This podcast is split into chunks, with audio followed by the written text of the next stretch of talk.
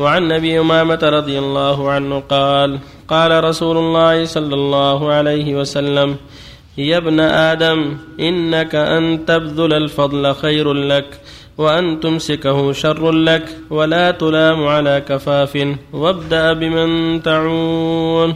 رواه الترمذي وقال حديث حسن صحيح. وعن عبيد الله بن محسن الأنصاري الخطمي رضي الله عنه قال قال رسول الله صلى الله عليه وسلم من أصبح منكم آمنا في سربه معافا في جسده عنده قوت يومه فكأنه حيزت له الدنيا بحذافيرها. رواه الترمذي وقال حديث حسن.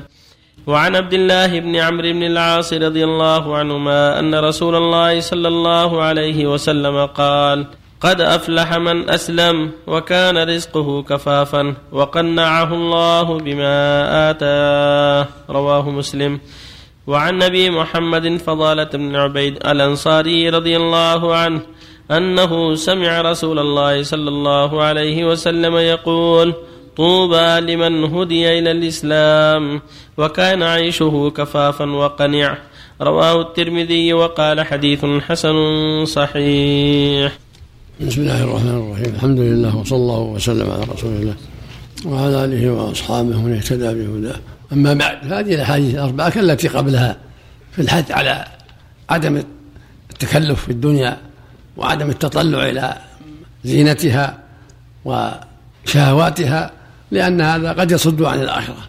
ولكن ينبغي المؤمن أن تكون همته عالية في طلب الآخرة والاستعداد لها والاكتفاء ما يسر الله من أمر الدنيا. ولهذا الحديث هذا يا ابن آدم إنك أن تبلغ الفضل خير لك وأن تمسكه شر لك يعني فضل المال. وإن ينفق ويحسب من الفضل خير له والإمساك شر له. ولهذا في الحديث الصحيح اليد العليا؟ خير من اليد السفلى. وابدأ بمن تعول ولا تلام على كفاف ما يلام على كفاف إذا طلب الرزق واجتهد فيما يكفه ويغنيه عن الناس. وابدأ بمن تعود يعني في الصدقة والإحسان والنفقة. ابدأ بمن تعود فالمؤمن يلاحظ أن الإنفاق والإحسان من الفضل خير له وأن الإمساك والبخل شر له وأن لا يلام على كفاف كما قال صلى الله عليه وسلم قد أفلح من أسلم ورزق كفاف وقنعه الله آتاه وتقدم قول صلى الله عليه وسلم اللهم اجعل رزق آل محمد قوتا. فالمؤمن يجتهد فيما يغنيه عن الناس ويسد حاجته بالبيع والشراء بالاحتشاش بالاحتطاب بالتجارة بغير هذا.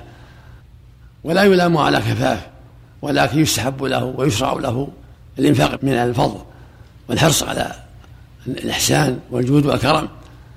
وفي الحديث يقول صلى الله عليه وسلم من أصبح معافى في سربه يعني في منزله وسكنه معافى في بدنه عنده قوت يومه وفي الله الآخر قوت يومه وليلته فكان ما حيز له الدنيا بحذافيرها ويقول صلى الله عليه وسلم قد أفلح من أسلم ورزق كفافا وقنعه الله بما أتاه. يكون الانسان يرزق الكفاف حتى لا يحتاج إلى الناس ويرزق القناعة حتى لا يتطلب المزيد الذي يشغله عن الآخرة. فلاح وفوز وظفر. فالمقصود من هذا كله الحث على عدم التطلع للمزيد من الدنيا وجمع لها والمباهاة فيها والحرص على التجارة فيها التي قد تصده عن الآخرة. أما ما يحصل به الكفاية والغني عما في أيدي الناس فهو مطلوب. وفق الله الجميع. الله يجزاك الجنة. معنى وكان عيشه كفافا. يعني يكفيه لا, لا, لا يحتاج معه إلى الناس. قول الإمام أحمد من ترك الوتر بالاستمرار هو رجل فاسق. رجل سوء رجل سوء نعم. لا قول هذا اجتهاد منه الوتر ليس بواجب سنة سنة مؤكدة. نعم وليس ولا الكلام هذا ما هو صحيح. ما هو صحيح من جهة الأدلة الشرعية. إذا ترك يكون آثم؟ لا ما هو بآثم. الرسول لما سأله الرجل لما علمه الصلاة الخمس قال عليه هل عليه غيرها يا رسول الله؟ قال لا إلا أن تتطوع ما معنى لمن هدي الإسلام؟ مثل ما تقدم قد أفلح من أسلم.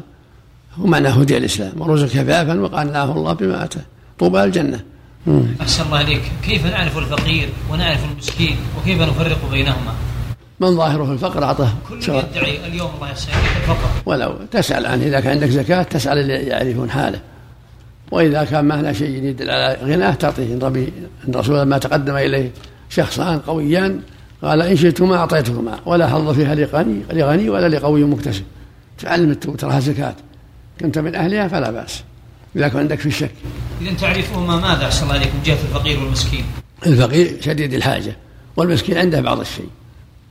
بعض الشيء خلال العام أم اليوم؟ لا العام يعني العام. عنده كسب لكن ما يكفيه قد يكون قويا لكن لا يجد العمل لا يجد. يعطى يعطى من الزكاة.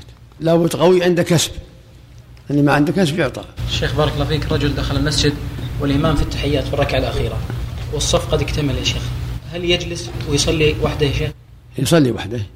إلا إن ينتظر في الصف بارك الله فيك. لا لا يصلي وحده يصلي وحده. يعني ما يدخل مع الجماعة لا ما يدخل معه الله. ما دام ما وجد فرجة. طيب يا شيخ وإن صلى تلزمه الإعادة؟ يزعج يعيد الرسول أمر بالإعادة من صلى وحده. صلى عليه وسلم. سبحانك. أحسن الله عليك إن أنك ان تمسك شر لك من تنفقه نعم كون ما, كون ما ينفق كون الإنسان عنده مال وسعة ولا ينفق شر له. والإنفاق خير له إذا عندك كان عنده السعة.